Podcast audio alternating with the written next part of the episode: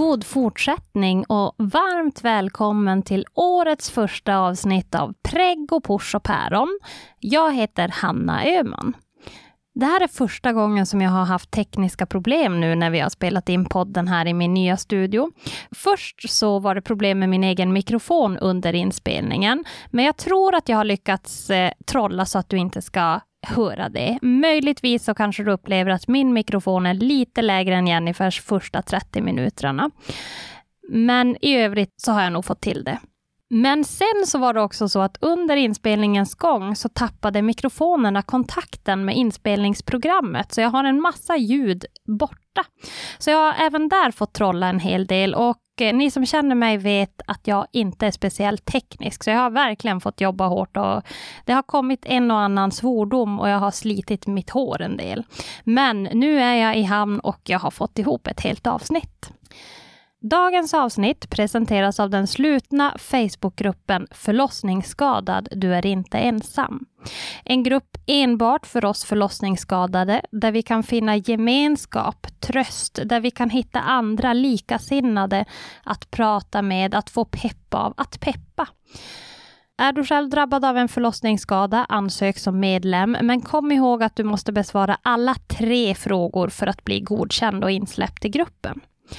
Är du istället kanske närstående familjemedlem eller eh, journalist, då kan jag istället rekommendera den öppna gruppen Allt om förlossningsskador. Och som du kanske förstår så pratar vi idag om förlossningsskador. Närmare bestämt om att spricka hela vägen. Jag har bjudit in Jennifer som drabbades av en sfinkterruptur när sonen Hjalmar föddes. Jennifer berättar om hur hon upplevde att det kändes när underlivet brast. Om hur hon har fått kämpa, inte bara med det fysiska måendet, men även med det psykiska. Hon berättar om hur det är att leva med alla komplikationer efter sfinkterrupturen och hur hon tvingas att hantera smärtan, om problem vid toalettbesök och om avföringsläckage. Hon pratar om hur det kändes när hon första gången fick upp Hjalmar på bröstet, då hennes första tanke var ta bort honom.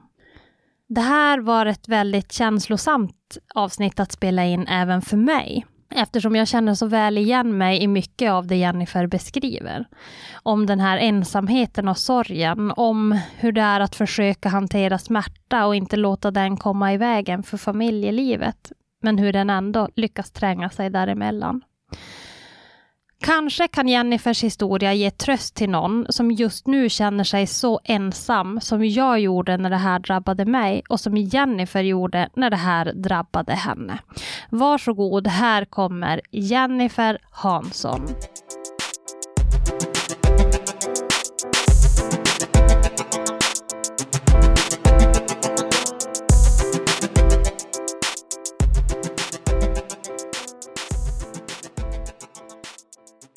Här sitter vi några dagar kvar till jul. Termometern visar minus 20 grader här i Älvsbyn, men det är varmt och skönt i studion i alla fall. Med mig idag har jag Jennifer Hansson. Ja. Välkommen hit. Tack så mycket. Vi ska prata om förlossningsskador idag. Ja. Om sfinkterruptur. Mm. Om man är rädd för att spricka, är det här någonting som man då vågar lyssna på? Jag skulle säga ja, för jag hade gärna velat lyssna på det innan, men det är nog lite avvägning själv. Är du en sån person som tycker att det är lite intressant att lyssna, så absolut, men är du en sån person som är jätterädd och tycker att det är obehagligt att höra, så kanske jag inte hade lyssnat i förväg.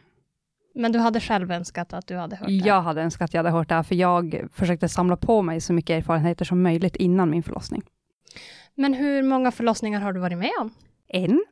Och hur länge sedan är det? Eh, det är två år sedan och tre månader. Och blev det en liten flicka mm. eller pojke? Det blev en liten pojke. Var det en planerad graviditet? Eh, nej, det var det nog egentligen inte. Vi var väldigt bestämda med att vi ah, alltså, skulle skaffa barn framöver. Men vi hade väl sagt, eh, vi är mitt uppe i en total renovering av huset, så att vi skulle göra färdigt hela utsidan och sen efter sommaren så hade vi planerat att ja, men då skulle vi börja försöka. Eh, men eh, jag var sjukskriven under hösten 2016 och dagen innan nyårsafton så plussade vi. Okej. Lite oväntat, så att eh, det vart ungefär ett år i förväg vad vi hade tänkt, men det var ju väldigt välkommet. Men hur gick känslorna då? Och hur kom ni på att ni skulle göra ett gravtest? Det var nog jag som var så, lite så här, gud vad jag har mått dåligt på senaste och det var, jag var trött och det var allt möjligt och jag började räkna bakåt och men vänta nu, ska man inte ha mens en gång i månaden? jag brukar ju ha det. Så att eh, då började jag räkna lite och sen så tänkte jag väl att ja, men jag tar ett test, det kommer ju ändå vara negativt, det är ju ingenting. Och där var ett starkt plus, så att eh, det var väldigt blandade känslor, men i slutändan när vi som hade landat i det efter några dagar så kändes det ju väldigt roligt. Vad sa sambon då? Ja, jag var nog kanske inte så bra på att berätta det, för eh, jag var ganska nervös innan och vi hade varit uppe hos mina föräldrar på middag och jag visste om det, men han visste ingenting och jag tyckte det var jättejobbigt, typ precis innan nyår. Och till slut när vi kom hem så satt han och spelade tv-spel på kvällen och jag tänkte alltså det är ju bara att dra av plåstret. Så att eh, jag gick och hämtade testet, eh, smög in lite försiktigt i vardagsrummet och sa jo, Förresten, god jul. Det har visst hänt en grej. Och vad sa han? Uh, nej, men han var väldigt chockad. Han sa inte så mycket först och sen uh, när det väl hade landat så då sa han att han tyckte det var jätteroligt, men att han kände väl att det var lite tidigt egentligen. Vi hade inte tänkt det skulle bli just då, men vi sa det. Det kändes inte okej okay heller att genomgå en abort för att sen ett år senare bara, men nu har vi bestämt oss, nu vill vi ha. Så då sa vi, då kör vi det här nu, även om det vart lite tidigare än planerat. Men du, gick det bra då att fortsätta renovera med växande mage? Jo, men det gjorde det ändå, tycker jag. Vi kämpade på. Han har ju fått dra ett, ett stort lass, min sambo där då. Men eh, jag har jobbat som plattsättare tidigare och även under graviditeten. Så att eh, jag var ju som ändå ganska van att, att vara igång och kör, jobba på på jobbet och jobba hemma. Och det är klart, det, det tog på kroppen, men jag tycker ändå det har gått bra. Hur mådde du då? Ja, första tiden mådde jag ganska illa, men sen måste jag säga att alltså jag mådde rätt bra. Jag hade lite problem med foglossning och sådär, men i övrigt, jag jobbade ju alltså som platssättare fram till vecka 30 ungefär. Så att alltså det gick ju bra. Jag var ju i farten och det är mycket bära och tunga lyft och allt sånt där, men det underlättades med hjälp av kollegor och sånt. Jag tänker det att det borde vara ett ganska tungt, ett fysiskt krävande arbete. Jo, men det är det ju. Det är ju väldigt mycket tunga lyft och speciellt när jag har gått, eh, när jag har jobbat, jobbat på eh, rot, alltså renoveringssidan, tillbyggnad och sånt. Mm. Och då är man ju ganska mycket själv. Så att till en början så var jag fortfarande själv och sen efter vecka 15 eller något sånt där, då sa jag som ifrån att nu måste jag få jobba tillsammans med någon, för det blir för tungt i längden att hålla på så här. Och då gick det bra. Då är man ju underlättar man, man hjälps ju åt att bära när man är två och allt sånt där. Så att. Men eh, foglossningen kom. Mm. Och sen om man då tar senare delen av graviditeten, var allting OK då? Jo, men det var det. Alltså jag mådde ändå ganska bra överlag, tycker jag. Men liksom trött, påtagligt så, men jag var ju igång väldigt länge. Mm. Och rörde på mig och försökte liksom, inte träna, men promenera och vara igång liksom. Mm. Vardagsmotion. Började du ha några förväntningar eller liksom rädslor eller så inför förlossningen när den närmade sig? Mm. Alltså, har någon uppfattning om att jag hade inte så höga förväntningar för att jag frågade runt väldigt mycket om alltså bekanta och alla jag träffade på som hade fått barn, liksom hur deras förlossning hade gått. För att jag ville ha så många olika erfarenheter som möjligt. Um, så att jag hade väl ingenting liksom så här förhag och så. Ja, jag visste att man kunde spricka och att man liksom kunde, att det kunde bli eh, akut kejsarsnitt och sådana saker, att det kan hända saker. Så jag var väl mer så här, jag vill inte ha några höga förväntningar och sen blir det inte alls som jag har tänkt. Så att jag försökte bara samla på mig så mycket som möjligt och var väl ändå förberedd på att det skulle bli en lång förlossning eftersom att eh, både min mamma och eh, eh vad heter det, en av mina systrar hade haft väldigt långdragna förlossningar. Så att jag var mer förberedd på att det skulle ta tid. Kände du någon oro eller rädsla? Jag gjorde, alltså jag hade ett sånt konstigt lugn i hela min kropp när jag var gravid. Och det har min sambo sagt flera gånger också. Han bara, du har blivit så himla snäll. inte för att jag brukar vara elak i vanliga fall, men han var som så här, du har blivit så himla huslig och liksom omtänksam hela tiden mot allt och alla. Så att, eh, jag vet inte, jag var bara lugn. Mm. Skulle du säga att du var påläst? Jag vet egentligen inte. Jag tyckte att jag läste på, men jag hade garanterat kunnat läsa på alltså ännu mera om allting som skulle komma.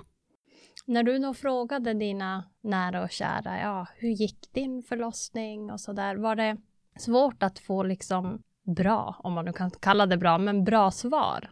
Nej, men jag tycker ändå att de flesta var alltså väldigt duktiga liksom på att förklara eller berätta det som hade hänt dem och vad de hade varit igenom. Däremot så har jag ju aldrig någonsin hört någon som har fått liksom en, en skada så under förlossningen. Även fast min syster egentligen fick en liknande typ av skada som jag har fått, så har jag aldrig någonsin innan min egen förlossning hört att hon också fick det. Mm. Så det är lite, jag vet inte om det är att folk sorterar ut vad de vill berätta innan, men eh, det är en sån sak jag brukar tänka på ibland, att det har nog funnits närmare mig än vad jag har trott, även fast folk kanske inte riktigt har pratat om det.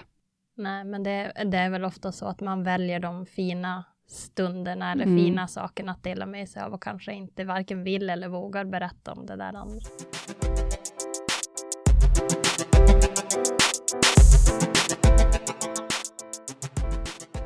När det väl började dra ihop sig, hur gick det till?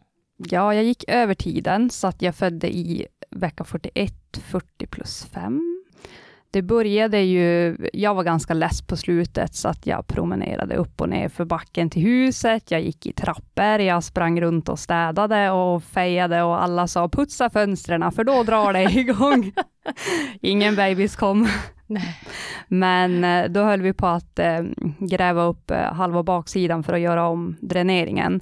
Och då började jag känna på, eh, alltså som under dagen, att jag hade ganska mycket molande verk den helgen när vi höll på det vart inget mer med det och sen på lördag morgon den 2 september borde det vara, andra eller tredje. Så ja, men när jag steg upp på morgonen kände jag som att det var någonting konstigt och då eh, gick, eh, som jag hade flera fosterhinnor, så då gick första hinnan på min fostersäck, eller vad det heter.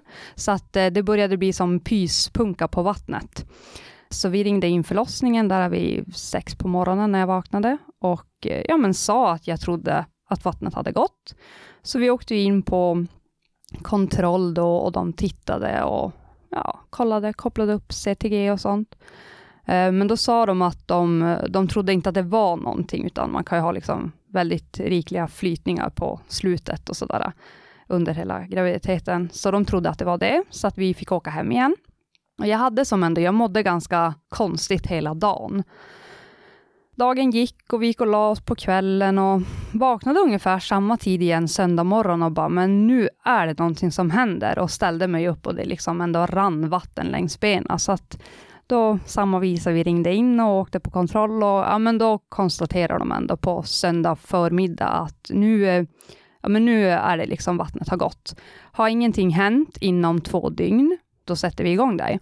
Eh, men du kan åka hem. Och hur kändes det? Mm, ja, jag var väl lite nervös. Det kändes som att, men vad då ska jag åka hem när mitt vatten har gått? För man vet ju aldrig, det kan ju gå fort och det kan ta tid. Så att, ehm, och min mamma började väl vara ganska nervös, för hon ringde alltså flera gånger liksom, varje dag. Alla visste ju att det var på slutet, så att hon, de ville väl hålla lite koll. Eh, då ringde hon när vi var inne på förlossningen, så jag ringde upp henne senare. Och då hörde jag att hon var nervös, för då var hon så här, men varför skickar de hem dig när du har haft vattenavgång? Mm. Ja, sa jag, men de säger att det är ingen fara för att jag har inte nog starka verkar än, så att det kommer inte bli någonting. Eh, så vi åkte hem och var hemma hela dagen. Jag låg väl och tog det lugnt och sambon var ute och jobbade och körde grävmaskin och allt möjligt. Sen på eftermiddagen, de var, han var in flera gånger under dagen och kollade liksom, hur går det? Har du mycket ont? Och, nej, men det tyckte jag väl inte. Det, det gick ganska bra. Men sen på eftermiddagen började jag ändå känna att alltså det vart tätare verkar och de vart ju liksom ändå kraftigare. Så att det var ändå någonstans två, tre stycken per tio minuter. Så då ringde vi in igen och jag började väl känna ändå, vi bor i en liten by som heter Inbyn utanför Boden, att det är ändå en bit in till Sunderbyn, även om det fortfarande kan ta tid, så när det är första gången man är lite ändå orolig och vet inte riktigt vad som ska hända. Eh, så vi fick åka in igen för en kontroll och eh, det slutade med att de tyckte att vi kunde få stanna på patienthotellet, för de förstod ändå oron det här med att ha långt in till sjukhuset. Eh, så vi gick över, men mina verkar var ändå, då hade de kanske ökat till tre, fyra stycken per tio minuter och liksom väldigt starka. Om man kollar CTG-kurvan så låg de typ runt 100 hela tiden. Jag hade ganska ont och då var vi in senare på kvällen från patienthotellet, gick över på förlossningen och fick en sån så kallad sovdos med, jag tror det är två Alvedon och en Ipren man får. Och så vart vi tillbaka skickad på patienthotellet, men det gick ju inte mer än en timme och jag inte kunde ligga still i sängen, så sa vi att men vi, vi ringde över och sa att jag måste ju få sova, det har ändå varit igång sedan mitt på dagen idag. Så att vi gick över igen och då fick jag, man får väl en Bricanil-spruta och eh, morfin tror jag. Fick vi gå över på patienthotellet igen, satt och tyckte jag väl ändå att det var hyfsat i en eller två timmar. Sen snurrade jag resten av natten och hade väldigt ont. Och så var det måndag morgon helt plötsligt och de ville ju att vi skulle försöka få i oss någonting och ändå komma över på kontroll och så. Då hade det ju som gått första dygnet efter de hade konstaterat vattenavgång. Mm. Så vi var inne på förlossningen under måndagen, när, när vi hade försökt äta någonting. Så var vi på förlossningen, ja men hela dagen, jag fick bada lite grann och det hände som ingen mer. Det var, det var bara att jag hade kraftiga verkar, jag öppnade mig inte eller någonting, utan det var ungefär samma intensitet på verkarna. Och eh, de tyckte ändå bara, nej men ni får gå över på patienthotellet och liksom försöka ta igen er där. Så jag fick med mig en sån här uh, tens, tensmaskin, visst heter mm. det så? Mm. Med uh, ja, men liksom elektriska stötar som de kopplade.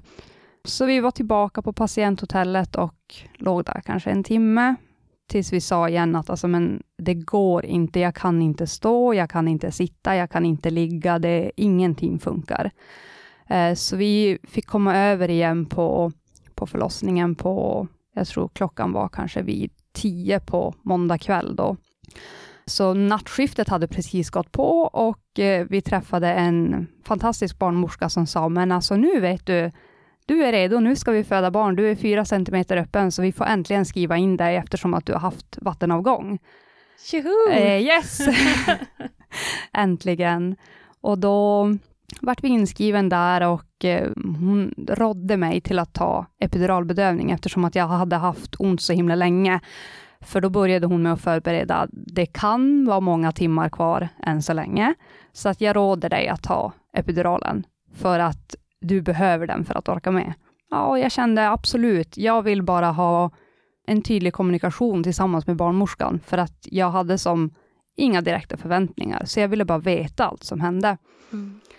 Så det kändes bra. De kom och satte um, epiduralbedövningen och helt plötsligt var jag som en ny människa. Jag var uppe och gick en stund och det ja, men kändes som ändå väldigt bra. Jag sa det bara, men nu jäklar ska vi mm. föda barn. Jag är så redo. uh, så att det var ganska peppat där ett tag. Men timmarna gick under natten. Det var ju liksom långsamt, inte ens en centimeter i timmen öppnade jag mig. Så att det drog väl ut ännu mer på tiden och precis innan de byter nattskiftet till morgonskiftet, så var barnmorskan ändå så här, men jag tycker att du ska få prova krysta, för du är öppen ungefär 9 centimeter och då kanske du liksom kan trycka bort det sista. För att jag hade ju haft krystverkar alltså ett tag redan, även fast jag inte hade öppnat mig mm. helt 10 centimeter. Så då ja, men provade vi lite grann, men det hände ju som ingenting. Det var, han hade inte riktigt kommit ner ordentligt i kanalen. Mm. Sen så har jag fått veta, jag fick veta det efter att han var född, att han låg med framstupa huvudgästbjudning, tror jag det heter. Neråt med huvudet, men åt fel håll. Så att han låg med näsan framåt istället mm. för att de ska ligga med näsan bakåt. Mm. Och då tar det tydligen alltså längre tid. Och det var ingenting som jag visste innan. Så vi körde på där och sen eh, kom hon in den här barnmorskan en sista gång och sa att nu kommer, eh, kommer vi att byta skift så att de kommer in här på en liten stund och liksom morgon, morgonteamet som ska, ska göra det sista med er. Och hon var som ändå lite besviken. Hon bara, jag trodde att att barnet skulle hinna komma ut medan jag fortfarande var kvar här på skiftet. Och så var hon som lite ändå klämcheckat. Men vet du vad, det här är snart över. Jag kommer in till dig ikväll när du ligger på BB och då vill jag se vem det är som har kommit ut liksom, för att hon jobbade kvällsskiftet på BB natten efter. Eh, ja, nej men vi tyckte väl som att det var ingenting, men det tog ganska lång tid innan morgonskiftet kom in.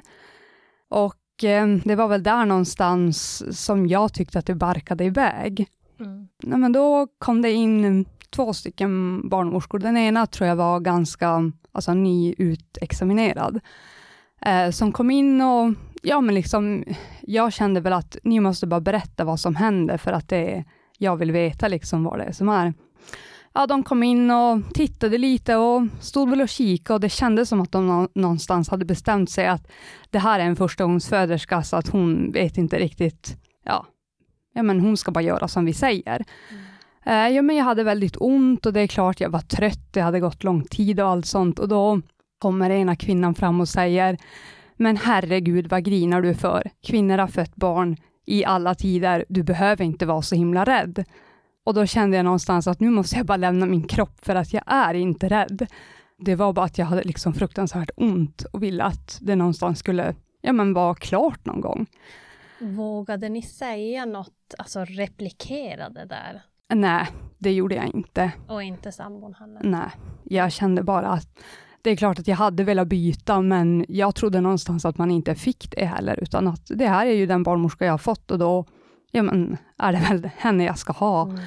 Eh, så det kändes, för, och sen var det väl, vi hade fått så himla bra kontakt med barnmorskan som vi hade haft under natten, så att det, ja, men det kändes jättetråkigt och det var som så här, ah, ja, det kändes som att de bara kom in och körde över mig. De respekterade inte alls att det var vi som var där tillsammans och skulle föda barn, utan de menade på att nu gör du bara som vi säger lilla vän, så ska du se att det här går bra. Mm. De tyckte väl att jag hade kämpat för mycket och för länge och sådär, så att de pausade av. De tyckte att allt liksom behövde stannas upp, så att de stängde av verkstimulerande dropp och eh, ökade epiduralen för att jag skulle få vila lite mitt i vad jag skulle säga var liksom när han skulle ut. Det, det vart väl som paus och de gick iväg och skulle diskutera med förlossningsläkare och allting. Så kom de in en liten stund senare och sa att vi, vi måste diskutera lite till. Vi är osäkra på om vi måste snitta dig, men vi ser helst att vi använder sugklocka för att hjälpa dig att få ut barnet. Mm. Jag hade väl hört talas om sugklocka tidigare, men det var väl ingenting direkt jag ville. Men just där och då var jag alltså ganska borta, trött, slut uppgiven för att det liksom inte kanske gick så som vi hade velat det skulle göra. Men hur gick tankarna hos er när de lämnar rummet och går ut och pratar med förlossningsläkare och så där och ni ligger där mitt uppe i allt och inte vet vad som ska hända? Ja, men jag kände mig nog mest bara alltså, ledsen och typ lämnad. Ja, men jag hade velat att någon bara förklara vad det var som, som skulle bli. Jag beställde även min förlossningsjournal i efterhand och där står det ju att mor är eh, väldigt uppriven eller liksom ledsen och sådär. Ja, det är väl klart att mm. man var. Det är väl inte så himla konstigt om man ligger och ska föda sitt första barn och det har tagit liksom två dygn sedan vattnet gick. Mm. Och då kom de ju in i slutändan och jag kände väl någonstans att men de måste ju liksom bestämma att de snittar mig, för det här går ju inte. Sen kom de in och sa att eh, nej, men vi har bestämt att nu, eh, och just den här grejen att de kommer in och säger vi har bestämt, där är det någonstans som att man har, man har tappat rätten till att bestämma om sin egen kropp och vad som ska hända. Eh, så de sa, vi har bestämt att eh, vi ska öka ditt verkstimulerande dropp igen och eh, du ska få prova krysta, annars kommer läkaren och sätter sugklocka. Och det var som punkt efter det, det var inget mer de sa.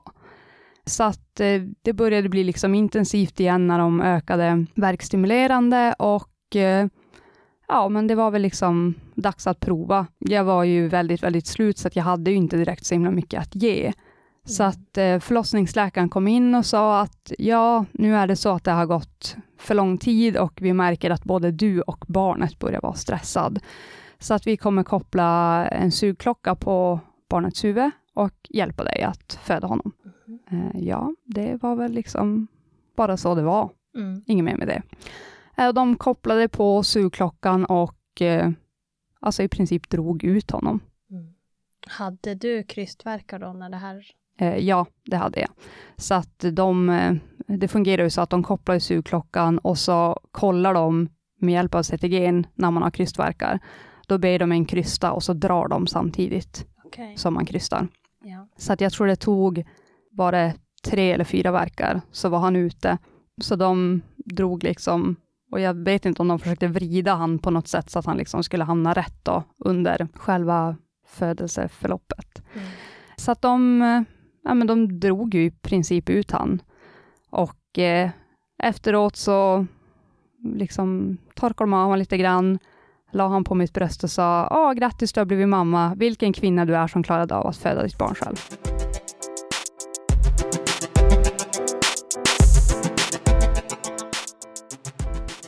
Och då kände du... Det, jag, alltså jag någonstans mentalt var inte där då. Nej. Jag kände väl bara att, jaha, det var så här det var. Men du skrev i något av våra mejl att när, de, när han kom ut med sugklockan så kändes det som att hela du liksom...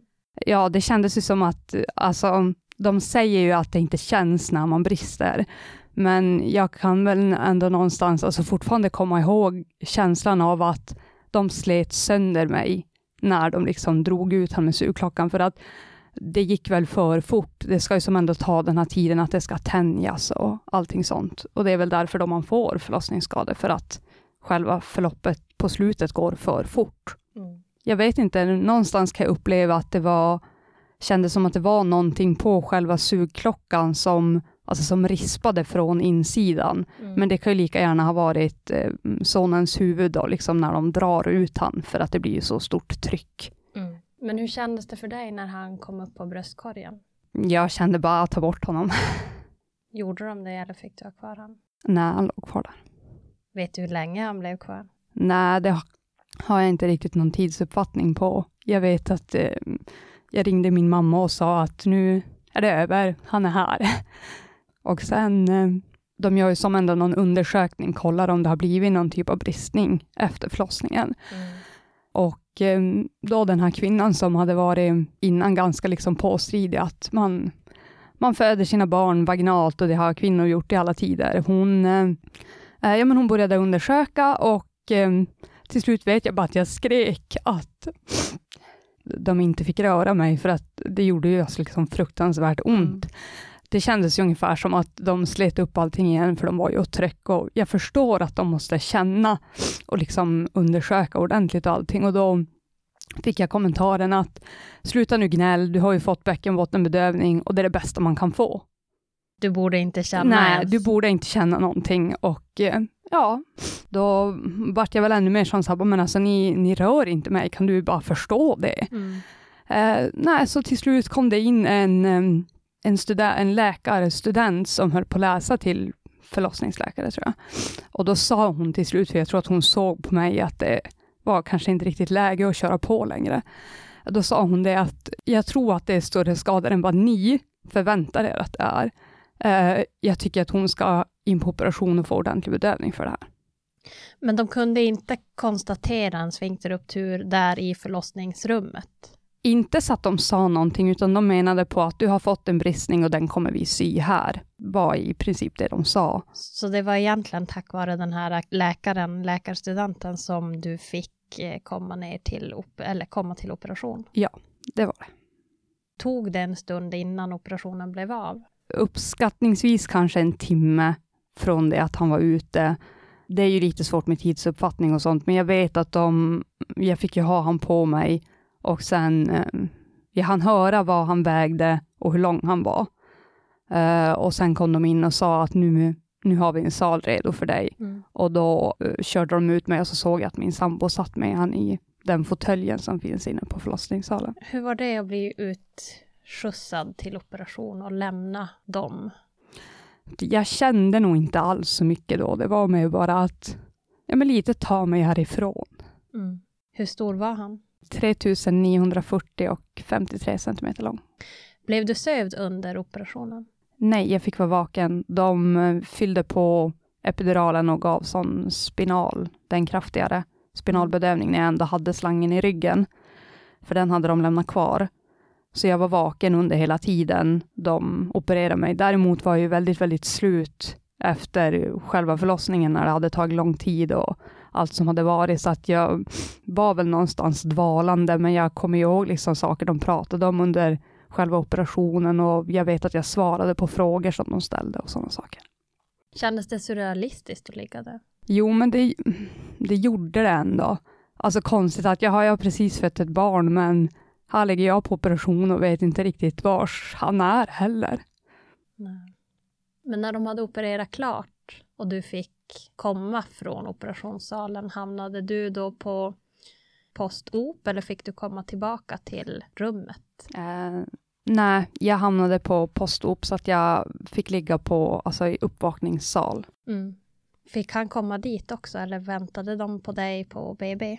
Nej, han, de väntade inne på först förlossningen, tror jag att de fick vara. Eh, sen så fick de ett eh, rum över på BB.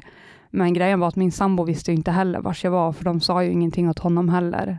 Han fick aldrig någon uppdatering om hur det gick och Nej. att du var klar? Och... När jag sen rullades, eh, rullades vidare, jag tror att jag vet inte riktigt när han föddes. Jag tror att det var tio över nio eller tio över tio. Och om jag då ungefär var på, kördes ner till operation en, en timme senare. Mm. Och sen kom jag tillbaka på BB, tror det var klockan sex på eftermiddagen. Så det var ju som efter hela dagen. Mm. Hur kändes det att komma tillbaka då? Alltså det var ju väldigt konstigt. Jag hade ju, jag hade ju hunnit se mitt barn så, men jag hade ju som ändå ingen, alltså inte liksom hur, hur han såg ut eller hur han mådde eller någonting. Det, allt sånt var ju väldigt luddigt. Mm. Och eh, ja, men jag var ju trött och slut, så att jag vet inte om det var därför de lät mig ligga kvar på, på uppvaket, för att jag sov ganska, alltså, ganska många timmar när jag var där, äh, även fast jag inte hade varit sövd, liksom för att jag var så himla slut. Så vet jag att jag sov mesta tiden av det jag var där, för det kändes inte som att jag låg där så himla länge. Men sen då när jag tittade på klockan i efterhand förstod jag ju att oj, det är ju kväll nu. Det har ju gått en hel dag sen. Mm. När fick du veta att det var en sfinkterruptur du hade fått? Jag är faktiskt inte helt säker om de var in på kvällen eller om det var som morgonen efter. Och då sa de åt mig, ja det är ju så här att du har fått en, eh, en skada, en så kallad sfinkterruptur. Och det enda jag hörde var sfinkser, som Mm. den, den här liksom, djuret som är i öknen. I Egypten? Ja, alltså Egypten, det är ja. helt sjukt, för det var exakt samma sak som jag tänkte. Eh, Jag, alltså jag uppfattade liksom aldrig riktigt ordet heller och jag vet flera gånger när folk har, har frågat i efterhand så har jag sagt, alltså jag vet inte någonting sfinkser, sfinkter, alltså ja, liksom väldigt osäker. Eh, Men de berättade i alla fall att jag hade fått det och att det var en grad 3. Det var även, det, jag sprack som åt tre håll, dels bakåt mot ändtarmen och sen mot båda sidorna inne i själva slidan och då sa de att det är liksom djupa vaginala bristningar. Mm. Så att det var ju liksom hela muskulaturen, bäckenbotten, som hade gått sönder, flera lager. Mm. Ja, men att de hade sytt det. De informerade mig om att eh, vi tror inte att du kommer få något problem i framtiden. Om du vill föda mer barn framöver så är det absolut ingenting, inget problem. Du kommer absolut kunna genomgå en vaginalförlossning igen om du vill det.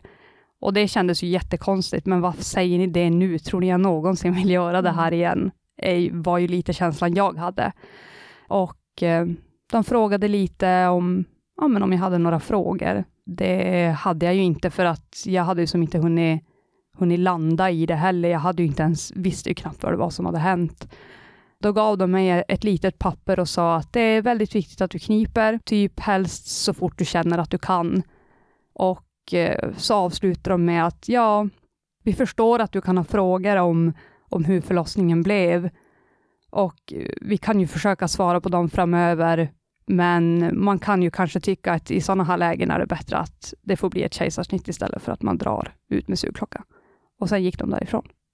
Och dina tankar, hur gick de? Det var ju mest bara, men varför kommer ni in till mig och säger när jag ligger här trasig att oj, vi kanske felbedömde och det borde ha snittats. Mm. Det var ju så jag uppfattade, för att ja, men det var ju liksom chock och allting. Mm. Nu så här i efterhand, hade du önskat att du hade orkat stått på dig och kräva ett snitt? Både ja och nej, för att på ett sätt tror jag att jag hade tyvärr kanske blivit besviken om det hade blivit ett snitt med första, mer bara för att alla är liksom den här Åh, det är så himla kvinnligt att föda vaginalt och även att de sa åt mig efteråt att men gud vilken kvinna du är som har kunnat föda ditt barn. Och det enda jag kände var att men jag har inte fött honom. Nej. Ni har dragit ut honom. Mm. Jag har inte presterat det här. Nej.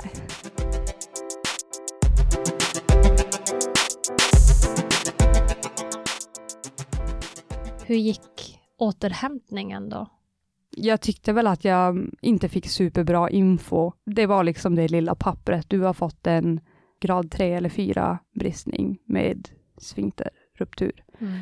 Att man liksom skulle vara noga med att hålla igång magen, man skulle försöka röra på sig varje dag, vara noga med att ta smärtstillande om man hade ont. Mm. Men berätta de vad det egentligen innebar.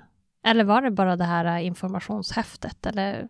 Jag tror att jag någonstans har fått ett papper där det liksom är uppritat, där de hade mm, dragit ett streck, liksom här, här har du gått sönder. Mm. Alltså inte mer än så, inte liksom kanske innebörden eller vad man ska ja, men tänka på något speciellt. Jag har ju då liksom jobbat ett fysiskt jobb tidigare, så att jag hade fruktansvärt ont. Jag kunde varken gå eller sitta eller nästan ligga ner på väldigt, väldigt lång tid efteråt. Men där och då kände jag väl att det kanske var någonting mer än vad jag hade trott att det var. Alltså att det var en större skada än vad jag liksom hade fått till mig från början. Mm. Hade du hunnit läsa på, googlat eller läst någonting om sfinkterrupturer? Ja, då hade jag hittat dels din blogg och sen hade jag även börjat läsa väldigt mycket på Baking Babies, Mm. som också skriver väldigt mycket. Mia Fernando. Ja, Ett bra tips. ja. Hur kändes det då att läsa på om vad, vad din skada innebar? ja men det kändes väl som, som att jo, det, det verkar ju som att de flesta liksom kan bli bra efter det här och att jag förstod väl någonstans att man måste stå på sig ganska mycket för att få hjälp om man behöver. Men det gick väl liksom sakta upp att det var någonting större än vad jag hade trott från början. Att det liksom inte bara var en liten bristning som går över efter några dagar. För då hade det ju ändå gått tre månader och liksom att jag fortfarande hade men egentligen problemet då var ju att jag hade så fruktansvärt ont. Jag kunde ju inte promenera. Jag kunde inte sitta längre stunder. Jag satt fortfarande på kudde när jag körde bil Mm. och eh, jag hade kudde med mig så fort vi skulle hälsa på någon så att jag liksom kunde, kunde sätta mig på någonting mjukt eller alternativt ta med mig kudden och gå och lägga mig någonstans när jag kände att nu måste jag bara få plana ut kroppen en stund. Mm. Men hur var det då? För jag gissar att du kanske hade någon bild av hur föräldraledigheten skulle vara. det hade ju, det var ju liksom se fram emot den här första barnvagnsturen som man Mm. ser alla gå på efter typ en dag och de är hurtiga och det börjar springa så man börjar träna och allting sånt och jag kände väl lite bara, men hur orkar folk? Jag kan inte ens stå upp på mina ben. Vad, varför har jag så himla ont? Varför har jag varför kan inte jag göra som alla andra uppenbarligen kan göra? Eller det man ser att andra Mm. gör. Men när, när du hade med dig kudden och så åkte ni och hälsade på vänner och bekanta, berättade du varför den var med? Till de närmsta gjorde jag det. Vi var, var ju mestadels med alltså familj. Jag har ganska stor familj och eh, sambon har ju ändå hyfsat stor familj, så att det var liksom att vi var mycket med släkt. Men hur reagerade de? Ja, det är nog rätt olika. Vissa har inte sagt så himla mycket och en del har väl varit liksom så här, det är väl sånt som, eller inte sånt som kan hända, men alltså många har ju hört liksom att man kan, kan brista, men det var nog ingen liksom som förstod innebörden i det heller. Så att de var väl mer som så här, jaha, hur funkar det? Och ja, ja, men du blir väl bra snart. Vad svarade du på det? Ja, det var ju min förhoppning, så att Mm. jo, nej, men det blir jag väl. Mm. Men du sa att efter förlossningen när han kom ut och du fick upp honom på bröstkorgen så kände du ha bort han. Mm. Var det någonting som du fick jobba med sen eller hur gick anknytningen till sonen? Ja, det tog ganska länge innan jag kände liksom att han tillhörde mig eller att han liksom var mitt barn. Så det har nog tagit ungefär första sex månaderna innan jag ens kände att jag ville hålla i honom. Hur är det att ta in på något vis och erkänna för sig själv att jag känner så här? Ja, alltså det har varit väldigt jobbigt, men min ena stora syster fick en mm, väldigt svår förlossningsdepression. Hon fick sin första. Så att på, alltså på något sätt har jag varit så himla medveten om att man kan känna så, att det kan ta tid. Men det är väl klart att man förväntar sig väl aldrig att man ska hamna i den situationen själv. Nej. Så att eh, till början höll jag det liksom bara väldigt mycket inom mig. Inte, ja men inte berättade så, det var ju knappt att de förstod väl folk, det, det gjorde de absolut, men absolut ingenting jag pratade om till en början. Kändes det lite skamligt sådär, att det Ja. var fel? Jo, ja men det kändes ju som att det egentligen var fel på mig för att jag inte ville ha honom. Var det så att du kände någon gång att du behövde hjälp? Träffa någon kurator eller psykolog eller är det något som ni har bearbetat hemma? Efter de här ja, men tre, tre till sex månader någonstans så var det väl någonstans att jag började erkänna det för mig själv också. Att det, men det är ju någonting som kanske inte känns riktigt som det ska. Och då tog jag upp det med, med min sambo, så att vi har ju pratat väldigt mycket om det. Alltså allt så, även förlossningen. Mm. Men eh, jag tror att det var ungefär efter sex månader som jag tog upp det även med vår sköterska som vi hade på BVC och sa att jag tyckte att det, ja men alltså det är någonting som inte riktigt känns som det ska eller som det borde eller vad man förväntar sig skulle jag nästan säga. Mm. Och då var hon som sa, men jag upplever inte att ni har alltså ett anknytningsproblem. Det är, när jag ser er så liksom är det ingenting att jag skulle säga att ni har de typiska, alltså att man märker på dig att du tycker att det är jobbigt. Men det är ju liksom vilken typ av grad man kanske har det, hur pass distanserad man är från sitt barn och allt sånt. För det var väl någonstans jag kände att jag vet att man kan känna så här, men jag vet ju att jag måste ta hand om honom. Jag kan inte bara lämna han. Mm. Men hon förstod som ändå att det var någonting som inte stod helt rätt till, så att hon bollade det här vidare och jag fick träffa deras familjepsykolog Mm. vid tre tillfällen eller någonting. Och sen kände jag nog själv att det här, det här är någonting jag måste jobba på själv, men alltså liksom att det var skönt att gå och prata med någon för att få någon typ av verktyg, att hur ska jag tänka eller hur ska jag ta mig vidare så att man inte bara stannar kvar i samma tankespår. Mm. Hur känns det idag då? Men det känns upp och ner, alltså fortfarande. Det, det går bättre och bättre och nu känns det liksom, ah, han är ju mitt allt, så är det ju. Mm. Men alltså det har varit tufft. Mm. Det har varit en tuff start. Tror du att det har med den här skadan som du fick att göra? Jo, men det har det väl eftersom att jag idag fortfarande ändå har problem efter den. Mm. Så det är klart att man påverkas av det. Men du har genomgått en operation till. Eh, ja, och nu förra veckan var jag på min första undersökning under narkos. Mhm. Så att det har hänt lite grann sedan jag mejlade dig första gången. Ja. I slutet av november så var jag även på 3D-ultraljud och förra veckan undersökning under narkos. Så att det var väl ingen operation så, men totalt tre stycken efter förlossningen har jag varit på i dagsläget. Och vad säger de då när du, när du har varit på 3D ultraljudsundersökning? Nej, men jag var in ungefär tio månader efter förlossningen för att jag fortfarande hade liksom så ont. Och de påstod att det då var, eh, alltså att det hade blivit så himla mycket ärrvävnad eftersom att de har ju fått sy väldigt, väldigt mycket. Mm. när det var bristningar liksom åt, åt flera håll. Så att då skar de ju bort liksom den överblivna ärrvävnaden och sydde om på nytt för att det, det var liksom därifrån jag hade så fruktansvärt ont. Och det, på så sätt har det ju blivit bättre. Men eh, jag har ju fortfarande problem, alltså dels att jag har ont, jag har svårt att sitta, även i dagsläget. Väldigt ont liksom på högra sidan, domningar ner mot benet och sådana saker. Och sen är det liksom, jag menar, alltså jag, jag har problem med tarmen fortfarande än idag. Och det var det jag var in nu senast på 3D ultraljud. där säger de att allting ser ju liksom fint ut så. Men eh, vid undersökningen som de gjorde var de som ändå, alltså någonting känns det som att de har sett, för de är bekymrade över varför jag fortfarande har så himla ont. Så att eh, då fick jag vara på den här eh, undersökningen under narkos.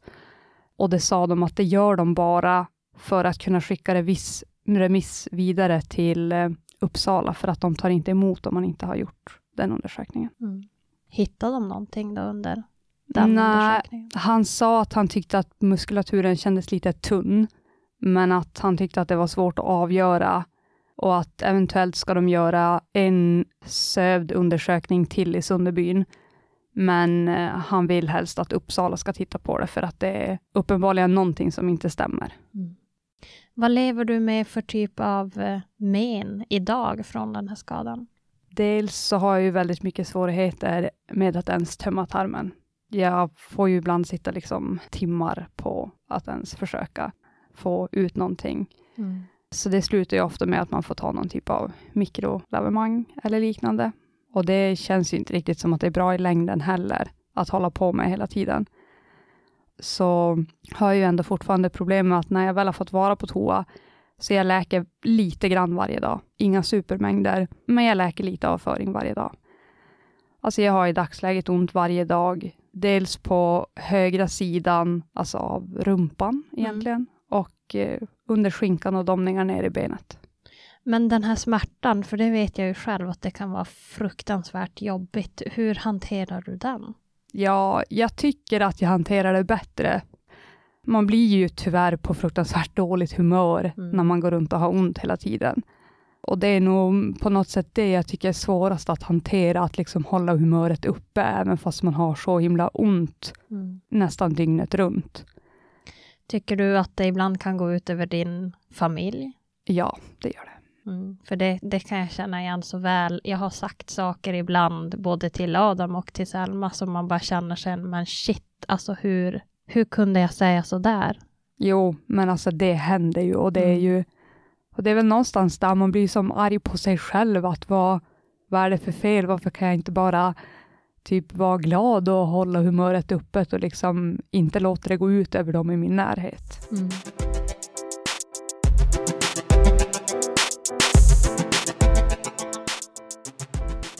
Hur ser framtiden ut för dig och ditt underliv? Ja, jag hoppas väl på det bästa. Det är klart att mm, jag ändå drömmer någonstans om att vi någon gång kan skaffa ett syskon till han. Och nu senast när jag var så säger de ju det. Ja, men skaffa alla barn som du har tänkt skaffa innan vi gör någonting. Men hur känner man att man vill skaffa fler barn när kroppen inte fungerar? Nej, det är ju det. Mm. Men någonstans så ska man ju landa i det själv också, att man, att man orkar. För det kan vara tufft att ha ett barn att ta hand om när kroppen inte mår 100% bra. Ja, men det tänker jag. Det, jag har ju följt dig väldigt mycket, alltså dels på bloggen och Mm. även Instagram och sånt, så att man ser ju inte alla sidor, men alltså, man ser ju liksom att det, det är inte bara att genomgå en graviditet om kroppen redan är liksom i nedsatt funktion, eller vad man Nej. kallar det. Det innebär ju ändå vissa saker. Jo, men så är det. Nu hade jag tur, för min graviditet gick ju jättebra. Men det vet man ju aldrig. Nej, även om det går bra så är det ju en, en sak kroppen ska gå igenom och man ska ju känna dels att man orkar alltså fysiskt så, men även psykiskt, för att det är ju påfrestande. Så att det är väl en sån sak liksom man, man jobbar på för att eventuellt framöver någon gång kunna känna att man har landat i att jo, men det är det här jag vill, eller om du tittar tillbaka på allt det här som nu har hänt under de senaste två och ett halvt åren. Är det någonting där som du känner att om jag hade gjort så där så kanske jag hade kunnat vara med och påverka mer? ibland har jag väl tänkt att hade jag varit mer påläst hade jag kanske kunnat ställa andra krav, alltså just vid själva förlossningen så. Men alltså det är ju också svårt. Det känns ju som att det, det är ingenting som man kan veta i förväg heller. Det är liksom omöjligt. Man vill ju ändå kunna känna att man, man kommer dit för att man är på rätt ställe och då vill man kunna känna sig trygg med de besluten som sjukvården tar. Tror du att utgången av din förlossning hade blivit annorlunda om ni hade haft kvar den första barnmorskan? Jag kan inte svara på liksom om det är någonting att, alltså att jag tror att jag inte hade fått min skada. Den kanske jag ändå hade fått. Men eh, jag tror att min upplevelse av det hade varit väldigt mycket annorlunda än vad den är idag. Just eftersom att vi hade en så bra relation och vi kände oss väldigt trygg med hon första barnmorskan vi hade. Mm. För det påverkar ju jättemycket. Och det kan jag väl känna att, ja, eller är det någonting jag skulle ha gjort annorlunda så hade jag ju stått på mig och bytt. Då hade jag inte haft kvar den barnmorskan som vi hade. För att även om jag hade fått samma typ av skada med någon annan, om jag hade känt mig trygg med den barnmorskan så hade jag nog ändå tagit hela grejen bättre och tiden efter kanske inte hade blivit så jobbig heller. Mm. När du mejlade mig så skrev du om den där ensamheten som man kan känna. Som jag också känner igen mig så, så mycket i. Mm. Kan du inte berätta lite mer om det? Det var ändå 2017 jag födde och jag tycker det har ju absolut hänt mycket de senaste två åren bara på att folk har börjat berätta och börjat prata mer och det har, har kommit fram. Jag förstår att det här har varit någonting liksom man har jobbat för väldigt länge för att ens få folk att börja prata. Jag har ju varit tveksam själv på om är det någonting jag borde prata om, men alltså det, det är ju viktigt, så mm. att det tycker jag ju liksom är, är stor skillnad. Mm. Det kommer fram mer erfarenheter. Grejen är att jag har ju som ändå haft personer i min närhet som samma år som jag fick liknande skador. Men deras upplevelser är ju helt annorlunda, så att då pratar man ju kanske inte om det på samma sätt heller. Att man känner sig väl ensam just där och då för att man, man ser så himla mycket hur andra känner och hur andra mår och att det blir väl också man, man läser in någonstans att det har gått så himla bra för dem och de mår så bra och är så pigga och mm. älskar sitt barn från första sekund och de kan amma och det allt liksom bara rullar på. Mm. Men amningen, den har vi inte varit in på än. Nej, den eh, funkade tyvärr aldrig. Jag kämpade på ändå ganska länge och eh, fick en miljard olika råd fram och tillbaka.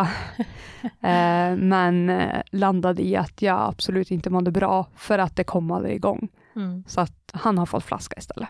Kändes det beslutet bra att ta? Nej, inte där och då. Men eh, när jag väl hade landat i det så kändes det alltså väldigt skönt. Då var det som så här, ja men gud vad härligt, nu får jag lite tid på mig och han får lite tid på sig. Mm. Och eh, då kunde vi även även dela liksom mycket. Pappan kunde mata lika mycket som jag kunde och det vi kunde dela på nätter och allting sånt. Just matningsdelen. Mm.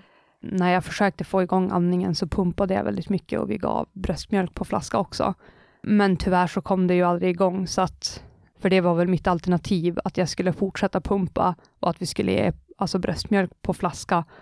Men det landade till slut i att det inte var värt att hålla på och kämpa med pumpningen heller, för att det, tog så fruktansvärt mycket mer energi än vad det gav. Mm. Men det känns någonstans som att många har den här uppfattningen om att amningen är det enda rätta och jättebra om det funkar, men samtidigt så ska man ju inte ha ihjäl sig själv bara för att försöka få det att funka. Nej. Och det är ju samma sak med det här med vaginal förlossning. Det är kvinnligt och det är naturligt att föda. Kvinnor har fött barn i alla tider och, mm. och man ska föda naturligt. Och det känns ju lite grann som att det var så tankarna gick under din förlossning också, inte hos dig men hos personalen. Mm. Men den här tumultartade tiden som ni har haft som familj, gör den att du också därför känner lite tveksamhet till att våga skaffa ett till barn? Alltså jag vill ju väldigt gärna ha ett, alltså ett till barn så. Jag skulle tycka att det var jätteroligt om, om Hjalmar skulle alltså, kunna få syskon någon dag. Mm. När man börjar tänka på det ser man ju gravidmagar överallt och man tänker, åh men gud, snart kanske, det känns som att vi är så redo. Men eh, jag vet inte, jag tror samtidigt att jag skulle ställa helt andra krav. Jag skulle liksom vara bestämd på ett helt annat sätt och styra min egen förlossning på ett annat sätt om vi skulle alltså bli gravida igen. Skulle du våga försöka dig på en vaginal förlossning? Jag är väldigt kluven. Jag har inte riktigt landat i någonting där än. Jag skulle nog egentligen vilja prova, men jag känner att de riskerna det innebär är inte värt det om min kropp inte kommer fungera efteråt. Mm. Om det är någon som lyssnar på det här som kanske har fått en svinterskada alldeles nyligt, vad skulle du vilja säga till henne? var inte så hård mot dig själv. Mm. För att man kan ju ha liksom mycket förväntningar och vad, vad man tycker det enda rätta ska vara eller vad det normala är eller hur andra känner. Men eh, jag tycker att man ska bara försöka landa i det man själv känner för att det är mycket tankar. Och de tror jag man kommer ha med sig ganska länge och ändå ju mer man jobbar på det så blir det väl lättare. Mm. Du skrev i ett av dina mejl att du inte riktigt visste om du var redo att dela din resa, men att det kändes viktigt, för det här är ju sånt som händer och det är andra som är i den här sitsen. Hur känns det nu när, du har, när vi har suttit här och pratat om det i en timme ungefär? Alltså det känns läskigt men det känns ju ändå skönt. Det är ju viktigt men det är tungt ändå. Mm. Är det någonting annat som du känner att det här behöver man veta om oss kvinnor som drabbas av förlossningsskador? Ehm, Men kanske att man måste som anhörig eller medmänniska eller liksom sådär låta det ta tid. Alltså inte pressa heller. Jag menar det har ju säkert ni fått frågan, men är det inte dags för en till snart? Och Mm. Man behöver kanske inte alltid fråga de sakerna. Man kan ju kanske bara lite låta det vara. Mm. Och det, där, det tror jag är svårt, för jag tror ju Mm. att de flesta som frågar, de, frå- väl. de frågar av välmening, men det blir så fel. Mm. Ja, men alltså liksom, alla känner ju så olika och det tar ju så himla olika tid. För en del, även om de har fått en, en sfinkterskada, är de ju ändå hyfsat pigg efteråt och de, alltså det läker fort och det går bra och det liksom, någonstans känns det väl ändå som att bara för att man har fått en sfinkterskada så kommer hela ens liv ta slut, för så är det ju inte. Men att, alltså en del får ju kämpa betydligt mer, dels för att få hjälp och för att bli bra och Mm. allt sånt. Men det är väl för att vi är olika som människor också. Mm.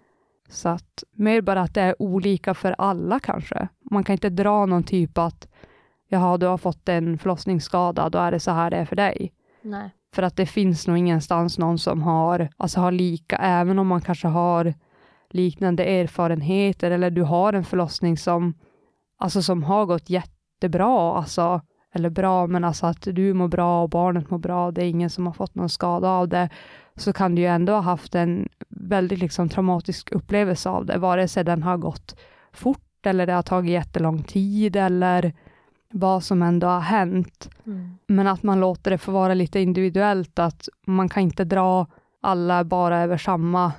Åh, vad har ni fått barn? Ja, men gud, det gick väl bra. Mm. Jo, ja. Det är lite som Lisa Bjurvald sa, att så länge barnet lever. Ja, Och det är klart, när man själv drabbas av någonting så är man ju ytterst glad och tacksam för att det gick bra med barnet.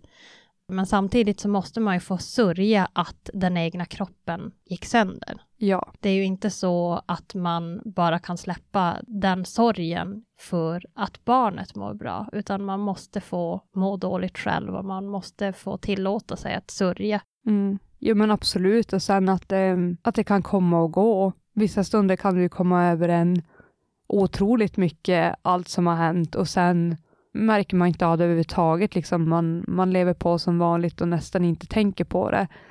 Ibland känns det som att man kan jämföra det alltså med sorgen av att någon en närstående har, har gått bort eller liknande. Att det, ibland känns det hyfsat bra och det rullar på och ibland så verkligen bara kommer det över en som en våg att allt har hänt. Mm. Finns det något tips? Du nämnde tidigare Mia Fernando, bakingbabies.se. En jättebra blogg. Mia är ju fys- fysioterapeut. Finns det något annat som du kan tipsa en förlossningsskadad kvinna om? Eh, ja men Facebookgruppen eh, förlossningsskadad, du är inte ensam. Där har jag läst väldigt, väldigt mycket. Och eh, förlossningsskadad, du är inte ensam, den är ju för enbart förlossningsskadade kvinnor. Ja. Vi är runt drygt 4 000 medlemmar tror jag idag i den. Är det så att man är närstående och vill också ta del så finns det en grupp på Facebook som heter Allt om förlossningsskador. Så där kan man också bli medlem och det går bra som sambo eller som journalist eller vad man då kan tänkas vara där. Men du, jag är jätteglad att du ville komma hit och dela med dig. Tack så mycket för att du ville komma. ja. Tack för att jag fick komma. Det har varit lite nervöst, men det känns bra. när du hade skrivit det där att du inte visste om du var redo så känns det ju skönt att, det, att höra att det känns bra. Ja. Tack så mycket. Tack.